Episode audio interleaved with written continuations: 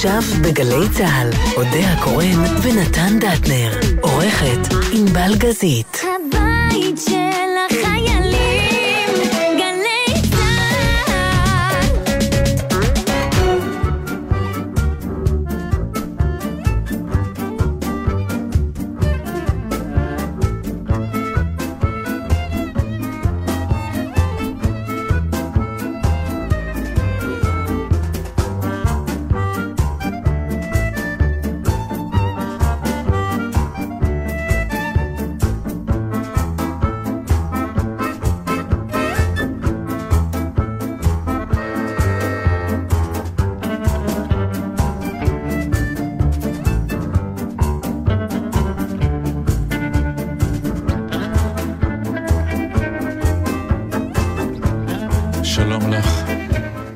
שלום גם לך. טוב, תשמעי, אודה הקורא נתן דאטה, בעל גזית, יעלי הראל. או יאלי. יעלי זה משהו אחר. אמרתי יעלי? כן. אולי יש לי wishful thinking, אבל אוקיי, יאלי. מדובר בבחור נאה, אין ספק, אבל בוא לא נביך אותו. נכון, אוקיי. למה? הוא יעלי הבן. התחלת לכעוס?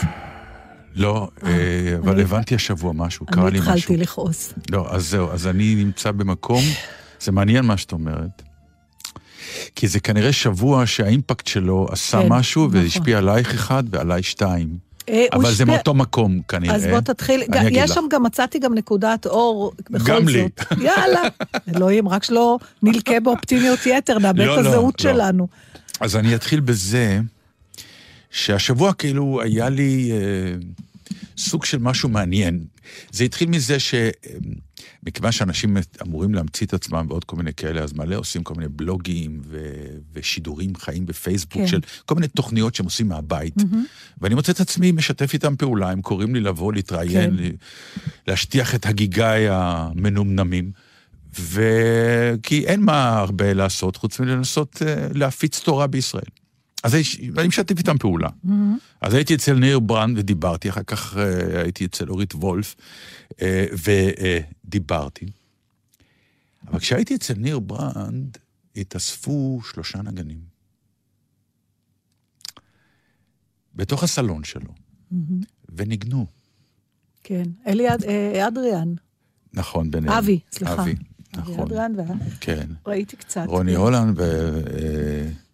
והבסיסט, זהו. יאיר משהו. אה, לא חשוב. לא, חשוב רק. חשוב, כן. אנחנו ב- לוקחים על עצמנו את השכחות, לא... כן, כי אה, אנחנו לא זוכרים שמות, אני לא זוכר. בקיצור, גם... ופתאום עלתה בי דמעה, כי פתאום קלטתי שאני שומע מוזיקה לייב. ממ. והבנתי שחצי שנה לא שמעתי נגינה אמיתית מולי בלייב. ואז הגעתי באמצע השבוע לאיזה סוג של יום צילום באיזושהי סדרה שכן מצלמת בתוך כל הבלאגן הזה. ופתאום לפגוש עוד שחקנים ולשמוע את המילה אקשן, ולעשות טקסט שאתה למדת בעל פה, ולקח לי המון זמן ללמוד בעל פה, כי פתאום הבנתי שחצי שנה לא למדתי בעל פה. נחלש. מאוד זה נחלש. ממש כמו לחזור לחדר כושר אה, או לפעילות ספורטיבית אחרי כן. הרבה זמן, אני גם. ונכנסתי ללחץ לרגע. אה, מצולם גם. כן. אה, ענבל המסכנה בזבזה עליי 48 שעות בלנסות להסביר לי, להוריד prompt, אתה יודע, מרוב ש... עכשיו, מה זה בשביל ללמוד בעל פה? זה היה להסתכל על הדף, ברור. ואני יודעת, פתאום, לא, הביטחון. אמרתי, אני אעבוד עם prompter, שהוא יז- יוביל לי שיוריד. על הטלפון, לא, אין לתאר, זה כאילו, בכלל לא, הוא לא הבין מאיזה מהירות אני רוצה לדבר, אז התחלתי... טוב, בקיצור, זה... כן. ואז הייתי, את, הייתי ביום רביעי בחזרה על שירים שאנחנו עושים, אורית וולף ואני, עם סימפונט באר שבע. מהמם. וזה לא עכשיו שלושה נגנים, זה כל זה התזמורת. תזמורת מלאה. וקרה לי משהו שהוא כאילו נפעם מבחינת העובדה שפתאום הבנתי מי אני, מה אני, ו, ומה מה, מה חסר לי ומה החסרתי. ונכנסתי, פתאום הבנתי שאני נמצא בסוג של דיכאון. כאדם. כי אתה לא מייצר או כי אתה לא צורך? הכל יחד. משהו, משהו במה שקורה. כלומר, אתה נמצא במקום שאתה לא מפעיל את עצמך, אתה לא ממצה את מי אתה ומה אתה. אתה לא גורם לאנשים אחרים את מה שאתה אה, תמיד גרמת. וכשאתה מסתכל בחדשות וכולי, אתה לא מקבל איזה עידוד שאתה אומר, אוקיי, לפחות אני נמצא באיזה פריים שיודע מה הוא עושה, משני הצדדים. כי פתאום גם הבנתי שלמשל דיברו על העובדה שלא רוצים להודיע על סגר, כי יכול להיות שאנשים לא יעמדו בזה מבחינת זה שלא לא יצייתו. ייכנסו. כן. לא שהם לא, הם לא יצייתו. הם לא יצייתו. עכשיו, אי ציות, אה, זה הכלל הראשון ל- לכאוס. מהמם. עכשיו, לא שאני לא מצדיק את, ה, את הדבר הזה, כי זאת הרגשה שגרמו לנו להרגיש שאולי אין על מי לסמוך, ולכן לא יצייתו. עכשיו, אם לא יצייתו, אין לאן ללכת. זהו, זה סוף העולם, זה כאוס מוחלט, כי אחרת אין, אין, מה, אין מה, אתה מה יודע, לעשות. יש אה, ביטוי כזה, שדרך אגב, אני לא יודעת אם הוא אה, בא מהיהדות או שהוא נמצא בעוד מקומות, אני תמיד דווקא שומעת את זה בהקשר של איזה, בדרך כלל כשאני שומעת את הביטוי הזה, עד היום שמעתי אותו מאנשים שהם אה, חובשי כיפה, לכן נראה לי שאולי זה קשור, אבל אולי לא. אז... וזה הביטוי, זה, זה, זו גזירה שהציבור לא יעמוד בה. כן. וזה, יש בזה משהו מאוד עמוק. עכשיו, המשפט הזה לא מנמק למה הוא לא יעמוד בו. זאת אומרת, זה, הכוונה אבל היא לא שהוא לא יציית לה, הכלב, אבל- אלא אם אתה מטיל על מישהו גזירה שהוא לא יכול, זה כמו... זה כמו פקודה שטוענים לא שאי אפשר. בדיוק, אבל פה מדובר באי ציות, על ציות השאלה. שהיה כבר. כן, אבל כלומר- יכול להיות שהיום סגר, אי הציות, השאלה ממה הוא יבוא. האם הוא יבוא מזעם ורצון לשבור את הכל ולשרוף הכל, או האם הוא יהפוך להיות גזירה שהציבור לא יכול לעמוד לא, בה. אבל למה הוא לא יכול לעמוד בה? או זה- נפשית או כלכלית. הכל ביחד, זה בדיוק כן, שם. אז הוא לא יכול לעמוד בה. ובעיקר חוסר האמון במערכת שאומרת לך, כבר סגרתי אותך, עשיתי את מה שעשיתם, עשיתי את מה שביקשתם, אבל אתם, בחוזה הזה, אתם הפרתם אותו, אתם לא עשיתם את מה שאנחנו כאילו הצטווינו, כי אתם הייתם אמורים לעשות עם זה משהו. לא עשיתם. נקודה, לא עשיתם. אז עכשיו מנסים לפתור את זה עם כל מיני פרויקטורים ועניינים, ואולי בעזרת השם זה יקרה משהו, אבל גם משם אתה מקבל כבר קולות של, איך אומרים, הפרויקטור פרויקטור, אבל עדיין הוא מוקף בכל מיני אנשים שהוא צריך uh, למצוא חן ביניהם וכולי. משהו גם בעניין הזה, אתה יודע, זה 12 שבטים. זה באמת תסמונת ה-12 שבטים, אנחנו לא באמת אומה.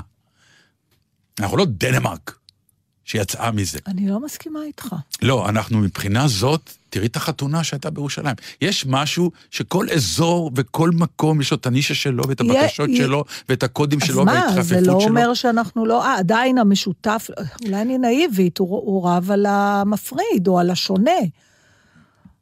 תקבל- אפילו בתוך המשפחה שלך, מה אתם כולכם, אתה יודע שאצלי סתם, דוגמה הכי קטנה, בוא ניקח את זה למינימום של המינימום של המינימום.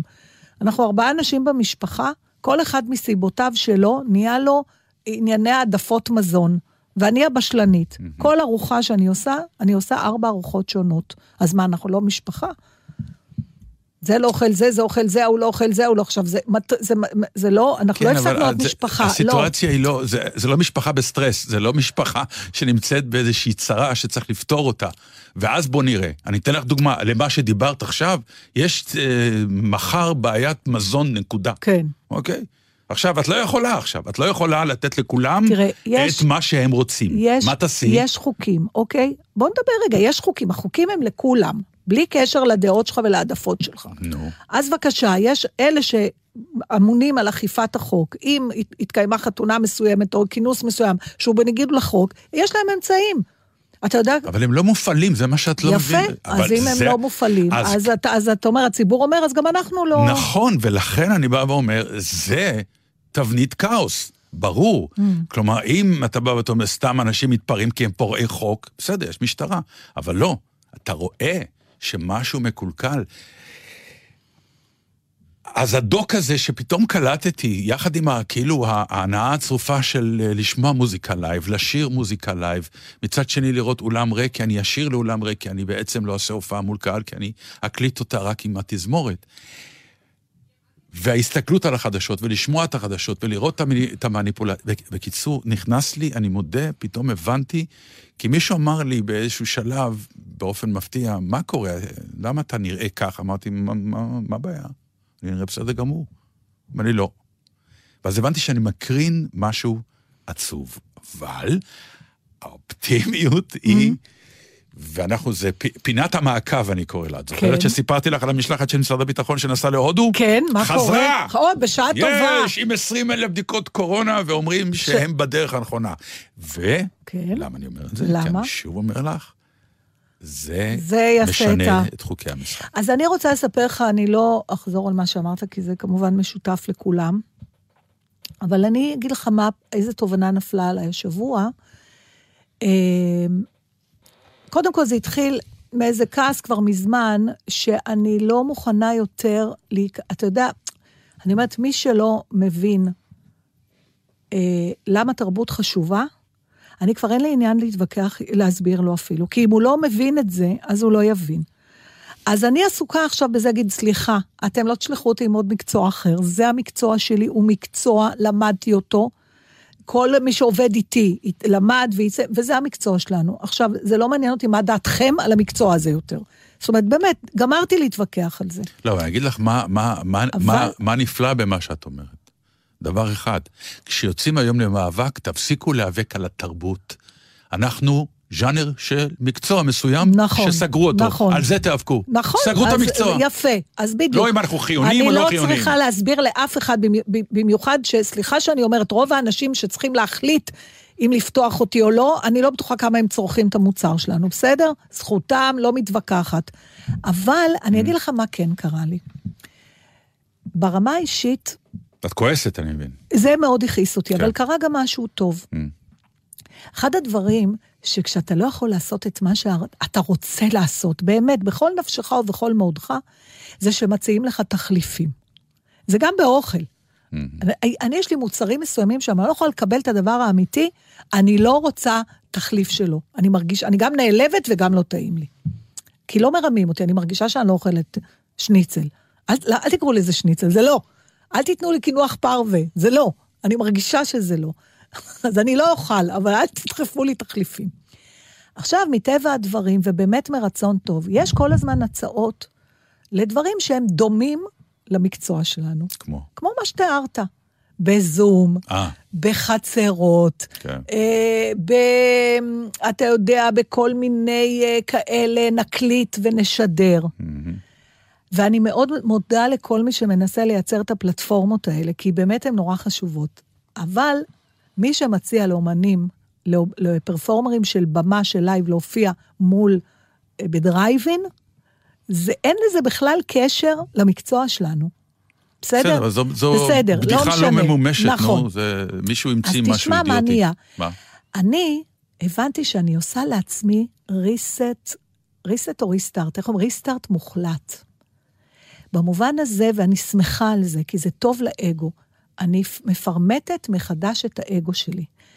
דוגמה, בעבר היו מגיעות הצעות, נגיד, בואי להופיע בבית פרטי, בחצר, בשביל 20 איש ב-2,000 שקל. לא רוצה, אמרת. אין משהו אחד שאני רוצה, לא את הכסף, לא את הסיטואציה ולא את הכמות של האנשים. אני בכלל לא רוצה להופיע בבתים.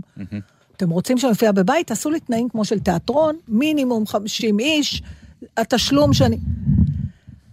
ובכן, זה נגמר.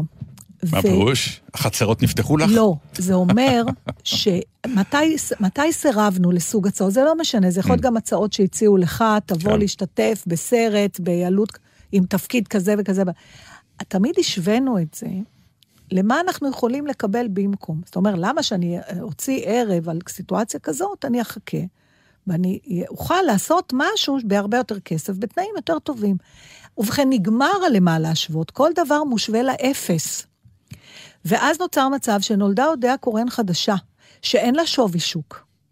אין לה יותר שווי שוק. כי אין שוק. כי אין שוק, ולכן פשוט. גם האגו שלה לא מתמחר אותה יותר לפי מה שהיא חושבת שהיא צריכה להיות שווה. אלא... זה לא רק אגו, דרך אגב, זה גם סוג זה- של אה, זה- תהליכים כלכליים נכון, מסוימים. בסדר, כאילו, אבל... אבל אם מישהו שילם, כן. אם- אם- אם יודעים ששילמו עלייך פחות, אז למה שישלמו יותר? אבל אנחנו, תראה, במקצוע שלנו, Mm. אתה יודע מה? אני חושבת שיש את זה כמעט בכל המקצועות. הסכום שמוכנים לשלם עליך, הרבה פעמים אנחנו לוקחים אותו כמראה למה שאנחנו חושבים שאנחנו שווים. ואני שוב מספרת לך את אותה שאלה שגל זייד שאל אותנו לפני 15 שנה. שחקן שמבקש אלף דולר ליום צילום, ולא נותנים לו, והוא יושב בבית, האם הוא עדיין שחקן של אלף אז דולר? אני אענה לך בסיפור שאת בעצמך סיפרת לי. ש? שמישהי אה, שניהלה אותך, כן. באיזשהו שלב אמרה לך, את סליחה. מניה, וכרגע כרגע- אין לך ביקוש. יפה, כלומר, זה לא רק איך את רואה את עצמך, אלא איך את איך בשוק. השוק רואה את. בדיוק. אבל עכשיו זה גם לא זה. כי עכשיו השוק לא אומר לי, את לא שווה יותר. השוק אומר, זה האפשרויות. אנשים אומרים, אנחנו רוצים לראות אותך, אבל אנחנו יכולים לראות אותך רק ככה. כן, אבל גם בשוק הזה יש אה, שווי ערך. ראית עכשיו, אה, דרך אגב, הייתה אני- איזו כתבה שלמה על אני- התעריפים של כל מיני זמרים שהולכים עכשיו לכל מיני חצרות להופיע. היו שם כמה מחירים נורמליים, וכמה, חבר'ה, יש שם מחיר ייקח- שלא תקבלו. בסדר, אז זה ייקח להם עוד זמן להגיע נכון. למה שאני הבנתי, אבל אני רוצה להגיד... לא, הם הבינו, רק הם מנסים לשמור על אני פאסון רוצה קצת. להסביר, אז זהו, אני עברתי את השלב, אני לא עושה את זה בהכנעה. אני פתאום הבנתי שזאת גם אז הזדמנות. מה יהיה ביום אחרי קורונה? אני לא יודעת. אנחנו לא יודעים אולי מה את יהיה שוברת ביום. שוק מטורף של אני לא עצמך? יודעת, נתן. אני אומרת שכרגע... אוקיי, זו החלטה. כן, כי יש החלטה של אנשים אחרים שהם לא כמוך, שאומרים, אני לא שוברת את השוק, אני לא במניית אפס כרגע, ואני יושבת בבית עד אני יעבור לא זעם. במניית אפס, זה לא, בדיוק שוק העניין. אפס, סליחה. שוק אני אפס. נולדתי אתמול, זהו. בסדר, אין לי, הבנתי, אתה. מבין? אני אני מבין. עכשיו מייצרת לעצמי את השווי. עכשיו, אתה שואל אותי מה יהיה ביום שאחרי? לאט לאט ננסה אולי לבקש יותר כסף, יותר קהל ומקום יותר טוב. נצ... זה, זה שהיום אתה לא מתפשר לא אומר שבעתיד בגלל זה ייקחו אותך, זה אבל לא בטח שאת קשור. מתפשרת. אם מחר יגידו לך, אוקיי, במחיר לא רע לפני חמישה אנשים. את גם תגידי להם לא. אני חושבת שאני אגיד לא, אבל ברור. מאחר ולפני חצי שנה אמרתי לא ל-20, בסדר. והיום אני אומרת כן, אולי אני אגיד בעוד חמישה חודשים לחמישה אנשים גם כן. מה שאני... האלה ממשרד הביטחון כבר אה, לא יהיה עוד חמישה אני חודשים. לא יודעת, זהו, אני לא יודעת, אבל יש משהו פתאום גם בנכונות, אצלי, עוד פעם, אני אומרת, אז למה את כועסת? אמרת שאת לא, כועסת. אני כועסת ש, שמנסים לרמוז לי שאין בכלל מה לדרוש, זה לא, זה לא בניגוד לזה שאני תובעת ודורשת, כן. נורא פשוט מה שאני דורשת. אם אנחנו מסוכנים לבריאות, תשלמו. אם אנחנו לא מסוכנים לבריאות, תפתחו. אל תשאלו אם, תשאלו איך. אם שואלים אם, תשלמו כסף על זה. זה הכל, זה בלי קשר. במקביל, אם אנשים יכולים להתפ... אבל משהו, אני, אני אומרת לך, זה ניקה אותי. אני לא... אתה יודע, המשרד שלי לפעמים היה נעלב בשבילי. נגיד, הייתה יכולה להתקשר ולהגיד לי, התקשרו, רוצים אותך לזה, יש להם רק איקס. אמרתי לה, למה, למה את כועסת? היא אמרה, מה, זה סכום? אז אמרתי לה, תשמעי, בשביל הבן אדם הזה, זה סכום. אני יכולה להחליט לא לקחת, אבל אין לך מה... אני עליהם. כן. כאילו, אתה יודע... לא, אני אגיד לך על מה הם כועסים. כי בעצם הם הגדירו את המניה שלך. זה שיש להם מעט מאוד כסף, אז הם ישבו ואמרו, טוב, יש לנו רק שלושת אלפים. אז לא נפנה ל... אה, אולי יודע כן תסכים בשלושת אלפים, שם. העלבון. אוקיי.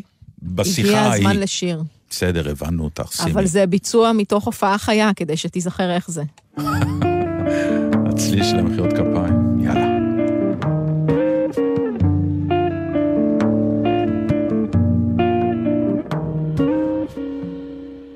הפנים מקרוב מצלמה מתרחקת, חצוצרה מיותמת דקה. עננים לוהטים תפאורה מדויקת בסרטי הרקיע שקיעה.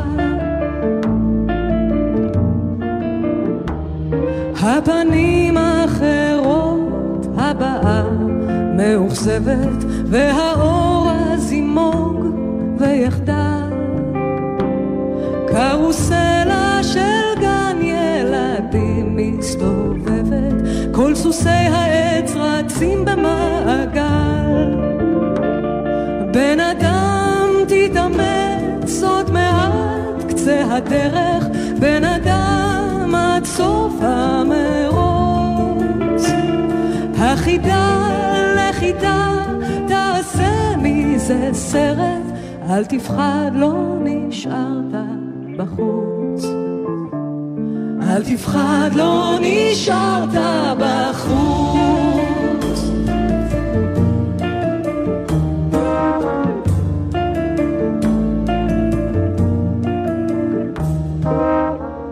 מצלמה מן הגב בתנועה מאופקת מתקרבת אליך כעת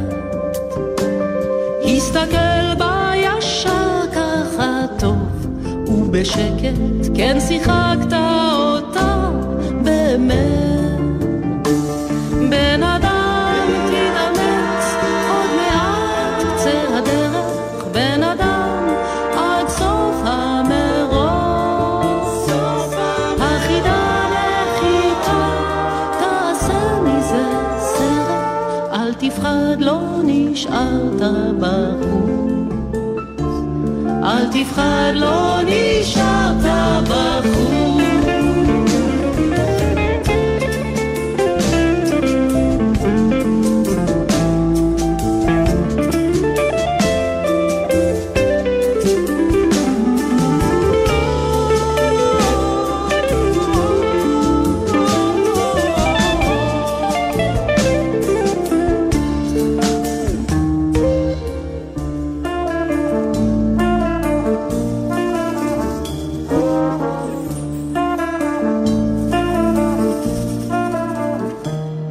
הפנים הבעה של כאב, ובלי הגה אין תנועה רק הצל מתארך. התמונה כמו קפואה, הדמעה מתפוגגת, ועכשיו לאט לאט לחייך. בן אדם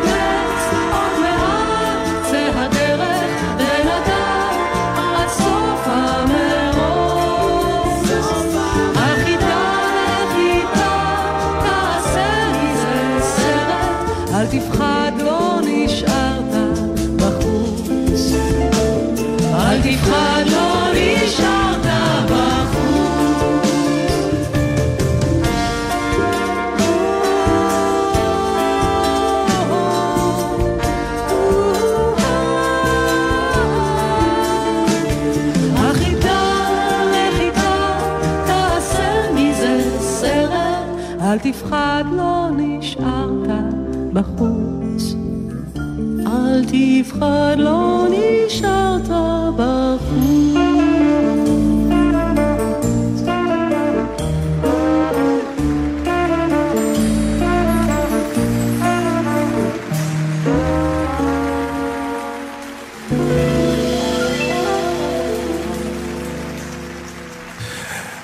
ענבל, אני רוצה שתאספי, תעשי לי כזה מחרוזת של מחיאות כפיים מכל מיני הופעות.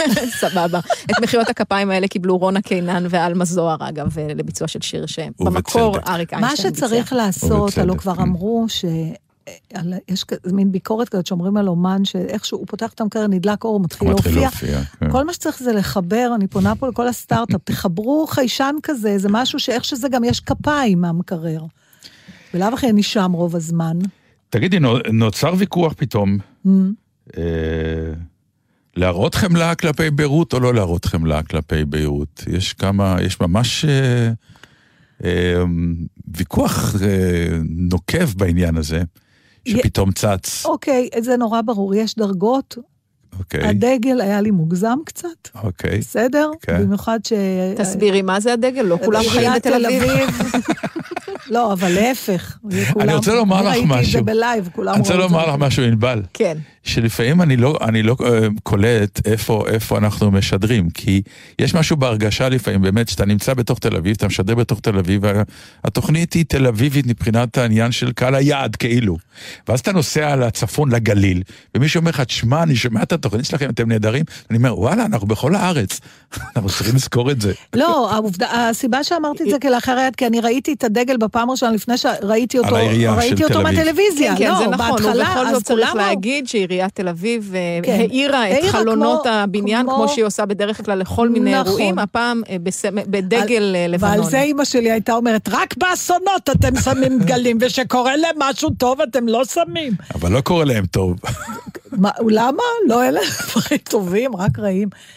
בכל מקרה, תראה, אה, אני לא שותפה כמובן לאלה שצועקים מה אתם חומלים או לא חומלים. אני חושבת שהדבר שהיה הכי מדויק בעיניי, שהוא עונה על כל הפרמטרים של חמלה אנושית, של חוכמה פוליטית, של זה, כן. זה הצעת העזרה של מדינת ישראל כמדינה, סיוע הומניטרי, אם אתם צריכים, אתם שכנים, תקחו את ה... נעזור לכם בבתי חולים בזה. בזה היה אפשר להסתפק. עכשיו אנחנו מגיעים כבר למחוזות שעליהם אפשר להתווכח. הייתה תשובה, היו שתי, שתי תשובות שק- ששודרו מלבנון. אחד אה, על ההצעה כן. אה, לעזרה, אז אמר הלבנוני, אני מוכן למות, רק לא לקבל עזרה מישראלי. אוקיי. והשני, אנחנו- כשהדגל הואר, כן. אמר מישהו, אנחנו עוד נעיר את תל אביב, אבל...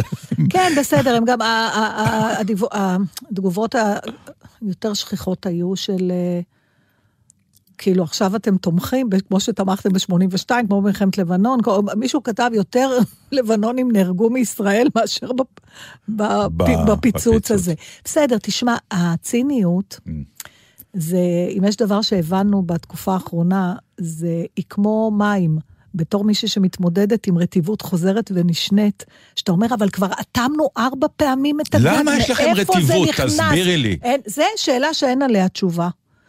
התשובה שבסוף אומרים לך זה, תראה, מים, הם תמיד ימצאו את הדרך. מספיק לו סדק קטן, ואז יש את אלה שעוד יותר מאמללים, אומרים, זה גם לא בטוח שזה מתחיל דווקא איפה שזה יוצא. יכול להיות שהסדק שלו זה בקצה השני, והוא עובר את כל הדרך עד שהוא יוצא שם. ציניות היא כזאת, היא נורא מהירה, היא מוצאת את הדרך ישר, ואתה יודע, אי אפשר להתמודד איתה. כל דבר טוב שתעשה, מישהו ישפוך לך מים קרים עליה. אבל היו כמה תגובות שהיו שמחה לאיד, וזה מיותר. מוכרח לומר. ממש שמחה לאיד, כאילו... העד זה בכלל, באמת, אתה יודע, זה... לא, זה כאילו אה, שמחה על נפול אויבך. זה בעצם מה שזה קורה. כשנאמר בנפול אויבך, אפילו יש אל תשמח, אבל איסור מה... איך זה הולך ב... יסלחו לי חבריי ה... בנפול אויבך, אל תשמח, לא? לא, יש... כש... כשאלוהים כעס, רגע, מנסה ל- להעלות מהעובד שיעורי ה- התורה שלי, כשהמצרים טבעו בים, כן. וה... ועם ישראל שמח, מהמם. אז נדמה לי שהוא אומר שם משהו כמו מעשה ידיי טובעים בים, ואתם אומרים שירה, משהו כזה. אתה מבין? לא. זהו. כאילו גם, אתם, אל תסמכו, אני אבל עצרתי הייתה את שירת. הים. יפה, אתה זוכר משהו? אפרופו ללמוד בעל פה? את זה נאלצנו אז בזמנו, כן. ללמוד בעל פה. לא, אני לא זוכר. אתה יודע כמה פעמים עברה לי בראש המחשבה, אחד הדברים שהכי קשים לי, וסליחה על הפלצנות, זה שאני לא טסה לחו"ל. במשך השנים, אני כל כך... אה, זה אחד הדברים שהכי שימחו אותי. עכשיו, אין, בסדר, אי אפשר, אבל... למה, מה רציתי להגיד עם זה? מה? לא יודעת, עפה לי המחשבה פתאום. תגידי, שאמרת, נותנים, לא. נותנים עונשים היום של תכתוב 200 פעם, אין, אין להשליך זבל תקליד. בכיתה, או אה, אתם צריכים ללמוד את כל שירת הים לא. בעל פה. אנחנו עמדנו ודקלמנו את שירת הים נכון, אחד-אחד, נכון. בתור בחינה. נכון. לא, אין היום, לא לומדים נשיר. על השם כי גאו גאה סוס ורוחבו רמה בים. יפה, נתן. אתה רואה? משהו הנה נשאר פתאום, לך. פתאום צץ לי. משהו נשאר לך. אני אה, רציתי משהו... טוב, אתה יודע מה? בוא, אני אקריא לך פוסט. אה, זה נראה על פניו משהו שברור ש... אבל אפשר לדבר עליו בכל זאת מאוד. זה, זה פוסט שכותבת מאירה ברנע גולדברג, שהיא סופרת, מהמם. חברה שלי בפייסבוק, מאוד נהנית לקרוא אותה, והיא מספרת סיפור. אה, היא מספרת ככה, הלכתי עם אבישי, זה הבן שלה, למרכז המסחרי מול הבית שלי, ולא ציפיתי שהיא תתנפל עליי. כמעט חיבוק, אבל בגלל הקורונה חסמתי אותה. תקשיבי, היא אמרה לי, אפשר להגיד לך משהו, אבל אל תיפגעי. פעם הייתי אומרת כן, בהכנעה, כאילו אני חייבת לסבול את המחשבות של כל אחד. אמרתי לה, אם את חושבת שזה אמור לפגוע בי, אשמח אם לא תגידי את זה. היא לא הבינה את הרמז והמשיכה. אני רואה את מה שאת כותבת בפייסבוק על מה שאת אוכלת ועל המשקל שלך, ראיתי את העוגה עם הגלידה אתמול. אני גם רואה אותך עכשיו, ותדעי לך שחבל עלייך.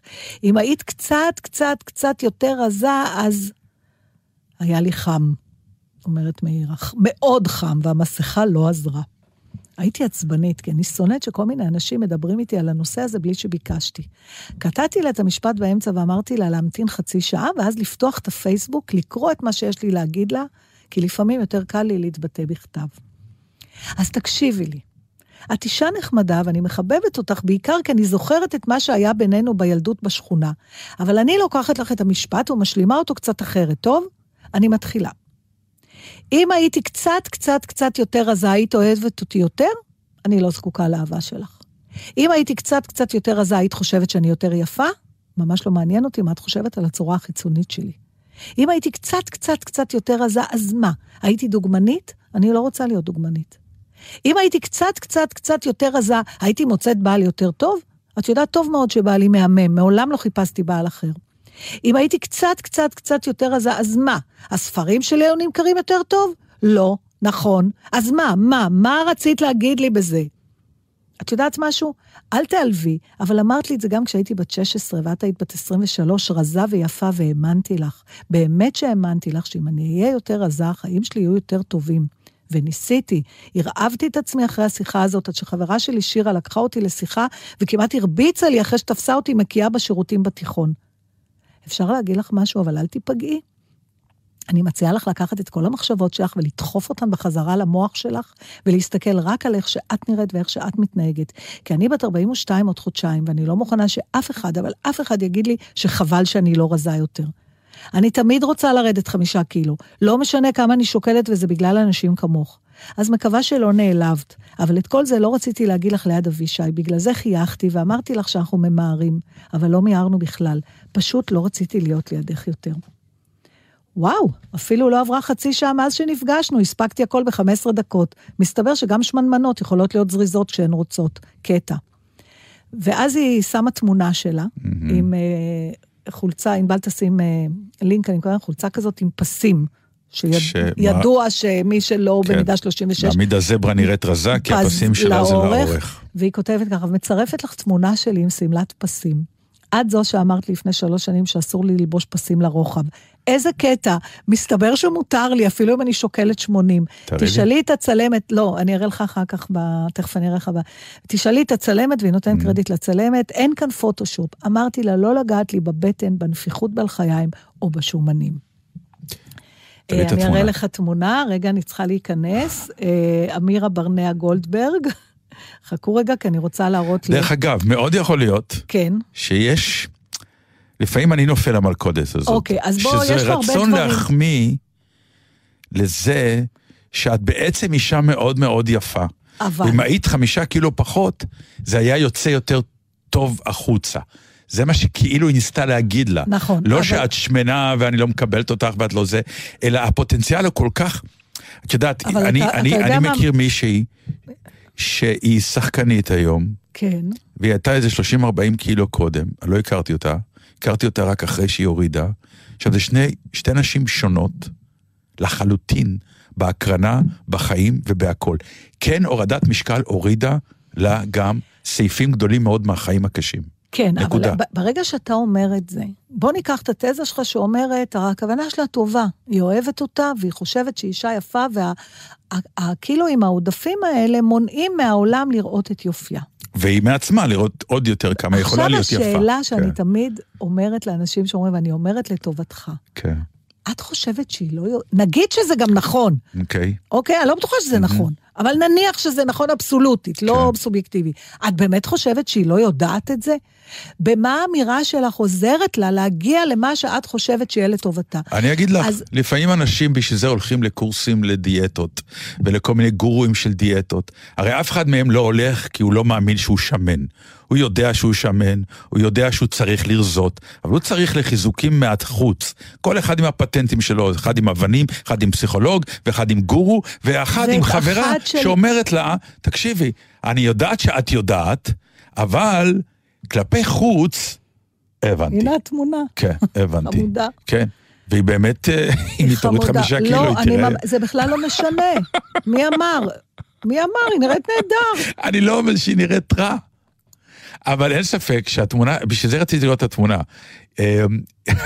אבל זה ממש, זה, זה נורא מוזר מה שאתה אומר. זה לא. זה ממש מוזר. זה לא מוזר. למה? זה לא מוזר.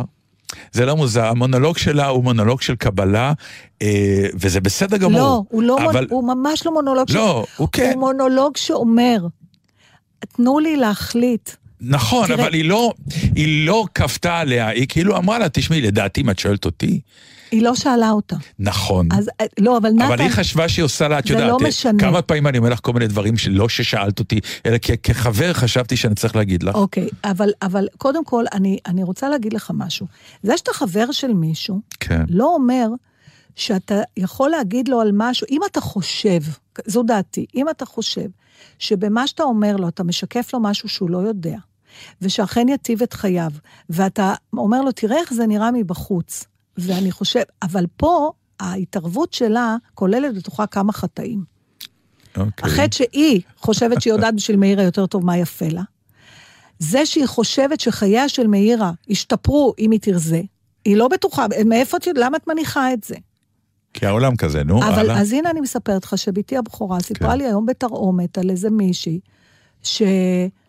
שאמרה לה, מה זה, מה רזית ככה, הכל בסדר איתך עכשיו, והיא אמרה לי משהו, אני, אני זוכרת את הפעם הראשונה שקלטתי, גם אנשים רזים Mm. לא אוהבים שמעירים להם על איך שהם נראים.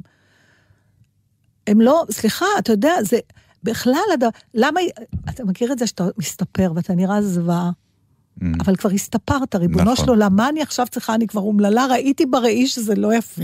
אוקיי. עכשיו אני צריכה את נתן דטנר, שבא אליי בטוב, כי הוא חבר שלי, ואומר כן. לי, מה עשית לעצמך? למה הסתפרת? רק המללת אותי יותר. דחפת לי את הראש לתוך משהו שכבר אין לי שליטה עליו. אבל את, עם התספורת הזאת את פיגוע, גם אני סובל. הבנתי. זאת אומרת, אתה אומר, אנשים צריכים להעיר כשזה את- מפריע להם. אם ב- את הולכת לספר, את צריכה לחשוב גם עליי. שכשאני אראה אותך, אני ארגיש נעים ונוח. עכשיו אני רוצה לקחת את הדיון למקום אחר. בבקשה. וזה דווקא המשפט, וסליחה מאירה, אנחנו כמובן לא דנים עלייך אישית, את הטריגר שהוליד את כן. הדיון הזה. לא בטוח שצריך להראות את התמונה כותבת- שלה ב- היא כותבת, זה. בפייסבוק, זה אחלה תמונה. זה- לא, לא, כות- לא בגלל שהתמונה לא טובה, אה. אולי היא לא רוצה ש... לא, אנחנו. יכולים. לשתף את הפ- אנחנו את משתפים הפוסט. אה, משתפים פייסבוק, בסדר. אוקיי. או, אז זה, אוקיי, אוקיי. יפה, התפרצת לדלת פתוחה. אה, אוקיי. כי היא אומרת לה, ראיתי את התמונה ששיתפת, של העוגה והזה. זאת אומרת, מזה אני מבינה שמאירה מדברת גם על... אה, ממתקים? אולי על התמודדות שלה עם המשקל העודף כל השנים. כן. אני רוצה לקחת אותך לדיון נוסף שהיה, שאני עכשיו לא זוכרת מי דיברה על זה, שקרצו לי מהרחם, ענבל תכף תגיד לי, אה, כאילו, מה אתם כל הזמן אה, מדברים איתי? אז מישהו אמר לה, תקשיבי, את שיתפת לאורך כל הדרך את הקשיים שלך להיכנס להיריון. הכנסת אותנו אל הרחם שלך. נדמה לי אשתו של שר התרבות, איך קראו לה? אה, לא, אני לא זוכרת מי זאת הייתה.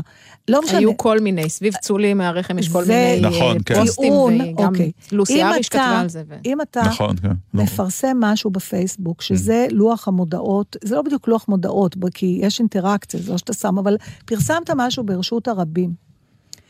האם אתה יכול אחר כך להתנות תנאים של איך יתייחסו למה שפרסמת? לא, אז זה, זאת השאלה, כי אומרת... זאת לא שאלה, התשובה היא כאילו, לא. את התחלת, את כתבת על כן, הפרעות אכילה שלך, נכון. אני מגיבה לזה עכשיו.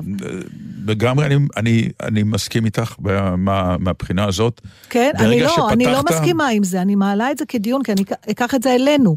העובדה שאתה דמות ציבורית, כן. מוכרת, כן. האם זה מתיר לכל אדם לגשת אליך ברחוב, כי אתה רוצה את הפרסום הזה, כן, נכון? כן. ואנחנו מרוויחים ממנו, כן. אבל זה גם מאפשר לכל אדם לגשת אליך, לבקש להצטלם בזה. למה אומנים כועסים שלא מכבדים את הפרטיות שלהם, למשל? אם אתה רוצה להיות אדם מפורסם, זה חלק מהעניין, אז אתה לא יכול רק בתנאים שלך, מסכים איתך.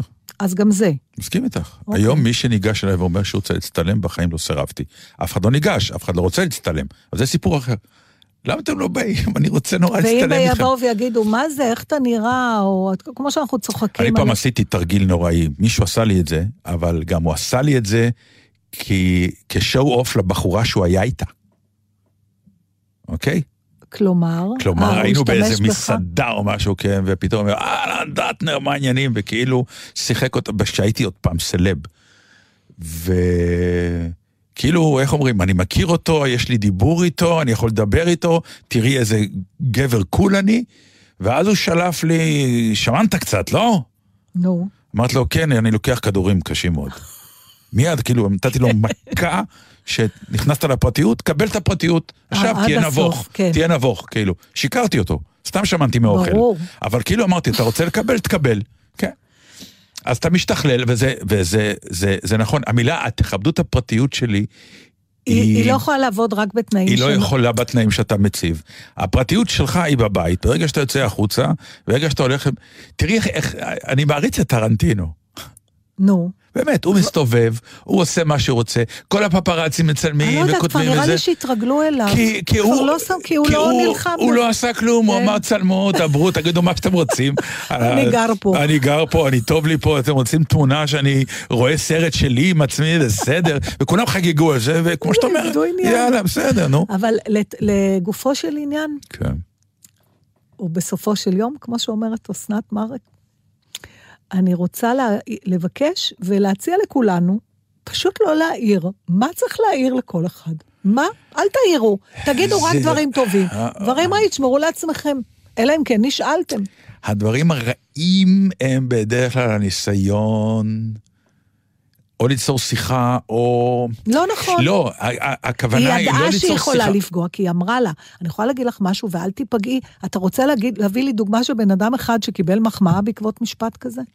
אני יכול להגיד לך דבר אחד, בשביל מה- כשמישהו בא אליי ואומר לי, ואומרים לי, כן. אני יכול להגיד לך משהו? אני אומר לו רק אם טוב, אם רע, תודה. נכון, בדיוק, אז וככה אני עוצר. אותם, כן. צריך להשתכלל פשוט, במקום לכתוב כזה פוסט ארוך, היית יכולה להגיד לה, אם זה טוב, כן, אם לא. אז היא אמרה לה, אבל ההיא לא הפסיקה, וזה מישהי שהיא מכירה, זה מה שהיא אומרת, היא לא הבינה את הרמז, זה לא היה רמז, מה לא היא-. מה היא ענתה לה? לא, לא. היא- היא לא. אמרה לה, הבחורה אמרה כן. לה, אפשר להגיד לך משהו, אבל אל תיפגעי. כאילו עכשיו, ההתנשאות, גם אני אגיד לך משהו, זה יהיה מעליב, אבל אל תיפגעי. עכשיו, כן. אם נפגעת, זה את אשמה. מה היא ענתה? היא אמ- היא אמרה לה, אם את חושבת שזה אמור לפגוע בי, אני אשמח אם לא תגידי את זה. אה, משוכלל מדי. פשוט. פשוט כן. סתמי. זה- אם זה אמור לפגוע בי, סליחה, אני לא רוצה לשמוע. תקשיבו, תגידו רק מחמאות, מה כל כך קשה? בעיקר בעידן של בריטים, קורונה, כן. חבר'ה. חבר'ה, תהיו לארג'ים. לא, אל ת... אני... אה, תאמינו לי, רוב האנשים יודעים מה לא טוב אצלם. הם יפה רואים שלי. את זה. מה? את אישה יפה, אני שמנה מאומתת. נבונה, מתוק שלי. מצחיקה, ואני אוהב אותך. אני אוהבת אותך גם. שיר.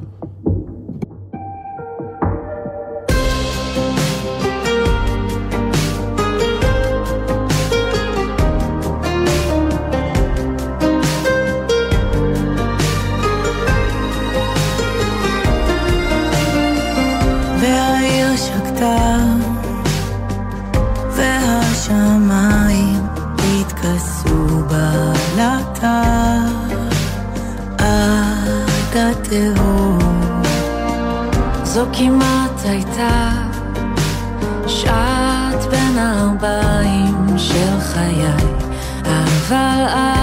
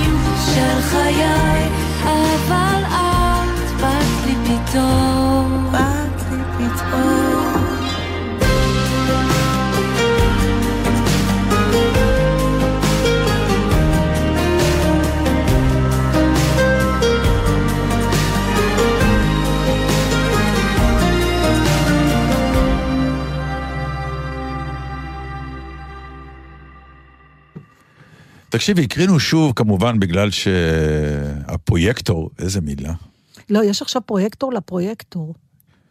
אני לא רוצה אפילו להיות שם. כן, הוא- אמרו שזה מכחלון, שהוא היה פרויקטור על בכלכלה, זאת אומרת, לא מספיק שר האוצר ושר הכלכלה. עכשיו, אתה יודע, סליחה שאני, לא, זה באמת, בייסורי אה, איוב של חנוך לוין יש את אותה פירמידה, אבל הפוכה. כי יש את הגבירים שאוכלים, ואז באים הקבצנים ואוכלים את השאריות, ואז יש את הקבצנים של של הקבצנים, והקבצנים של הקבצנים של הקבצנים. זאת אומרת,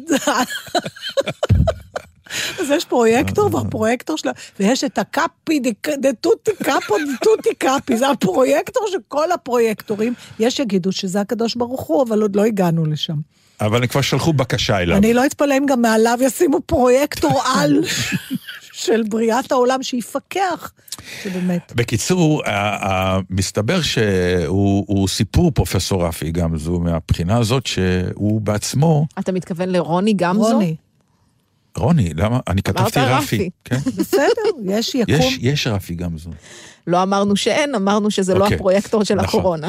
רוני, אני בשמות בינתיים, חזק. יכול להיות כן. שגם רפי יהיה הפרויקט. אני אומר לך שבעקבות מה שהממשלה תעשה לו בוועדת הקורונה, הוא ישנה את שמו מרוני לרפי. סליחה, אני חושבת שזה שזכרת שתי אותיות מתוך שלוש, זה, 90% זה מהשם מעל היה לך. ומעבר. זה שזכרתי את גמזו, שבעצם זה קיצור של גמזו לטובה. נכון, בקיצור, כנראה שזה לא לטובה השם הזה, נו. אז מסופר עליו, עשו עליו בעובדה כן, כתבה מאוד אתמול. מרתקת.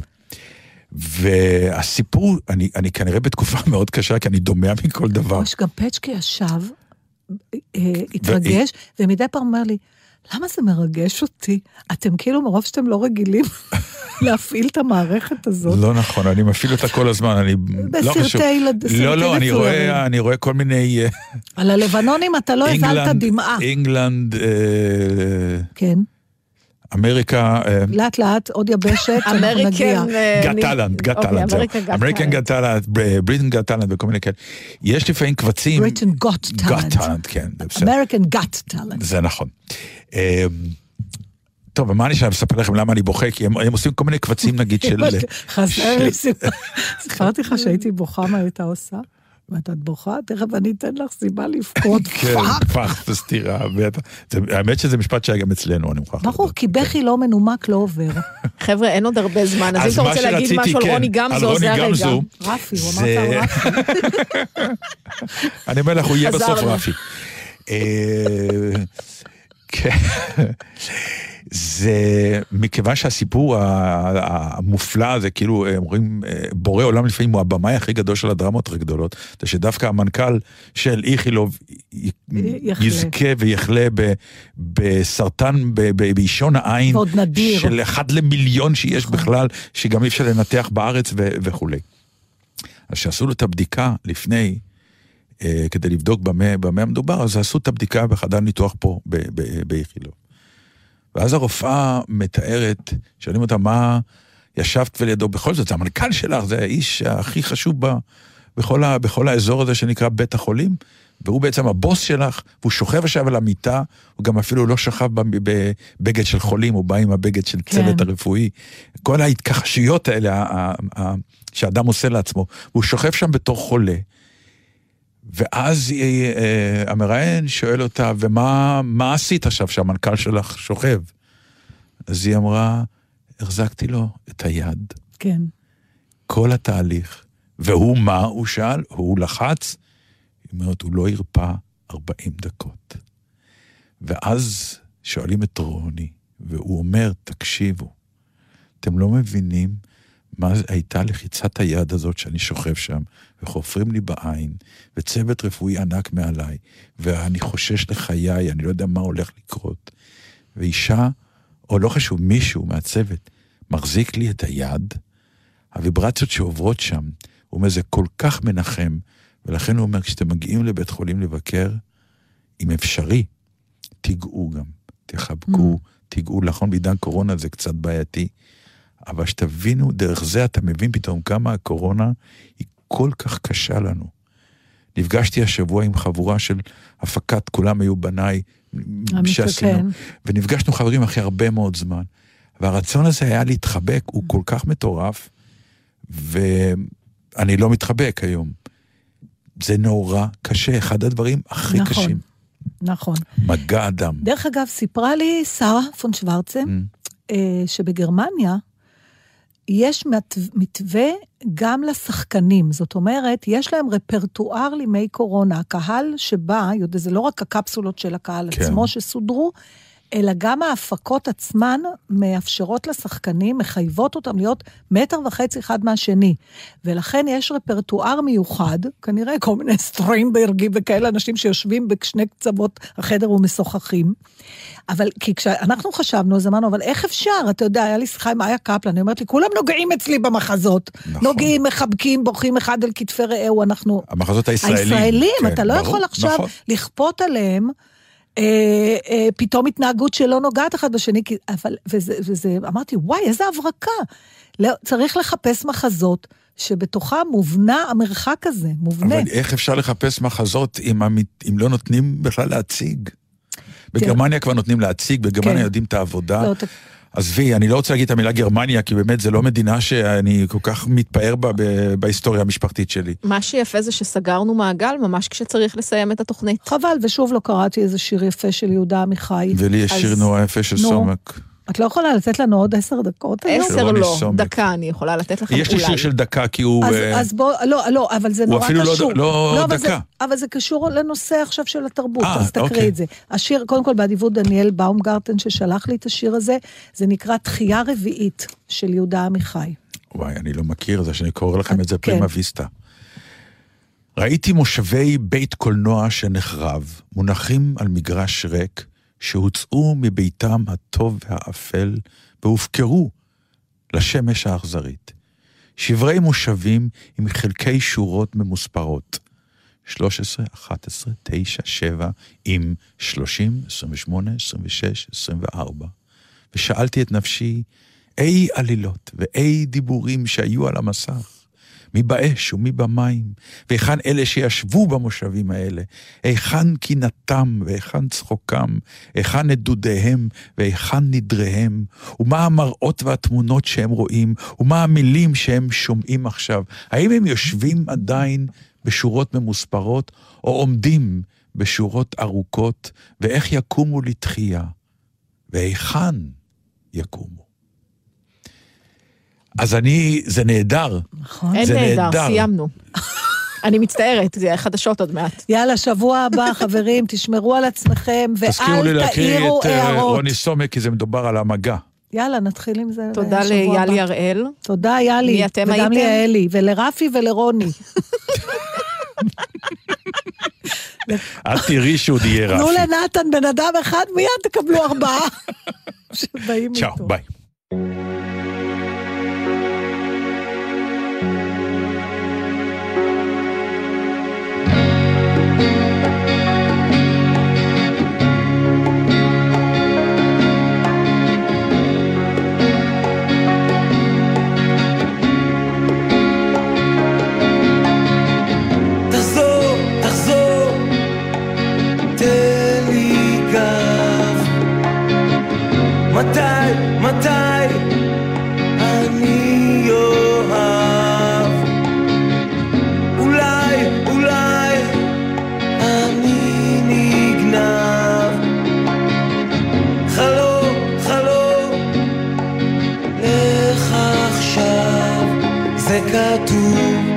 בספרים, בשירים, במפות הכוכבים, מה כולם מחפשים. אתם מאזינים לגלי צה"ל. עכשיו בווינר, יובנטוס נגד ליון ומנצ'סטר סיטי נגד ריאל מדריד בשמינית גמר ליגת האלופות. יודע מי תעלה לרבע הגמר? ייכנס לתחנה, לאתר או לנייד ותוכל להרוויח. לא תשלח. איך תיקח?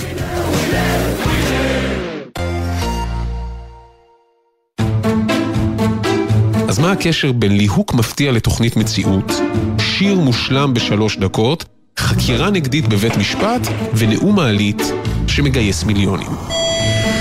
כולם מספרים סיפור, וכל סיפור אפשר לספר טוב יותר. פרויקט הגנום הסיפורי.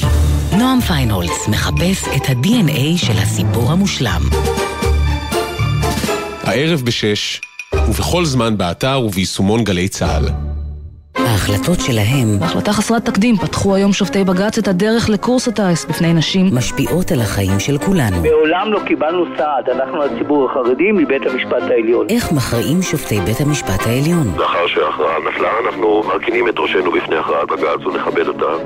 גלי צה"ל, הוצאת משרד הביטחון והוצאת מודן, גאים להציג את הספר החדש בסדרת האוניברסיטה המשודרת, שופטים על משפט. ארבעה שופטי בית המשפט העליון בדימוס, אשר גרוניס, איילה פרוקצ'ה, יצחק זמיר ואליעזר ריבלין, מספקים הצצה נדירה אל מאחורי הקלעים להחלטות משפטיות מכריעות. ספר חדש בסדרת האוניברסיטה המשודרת, עכשיו בחנויות הספרים. מיד אחרי החדשות, אהוד בנאי.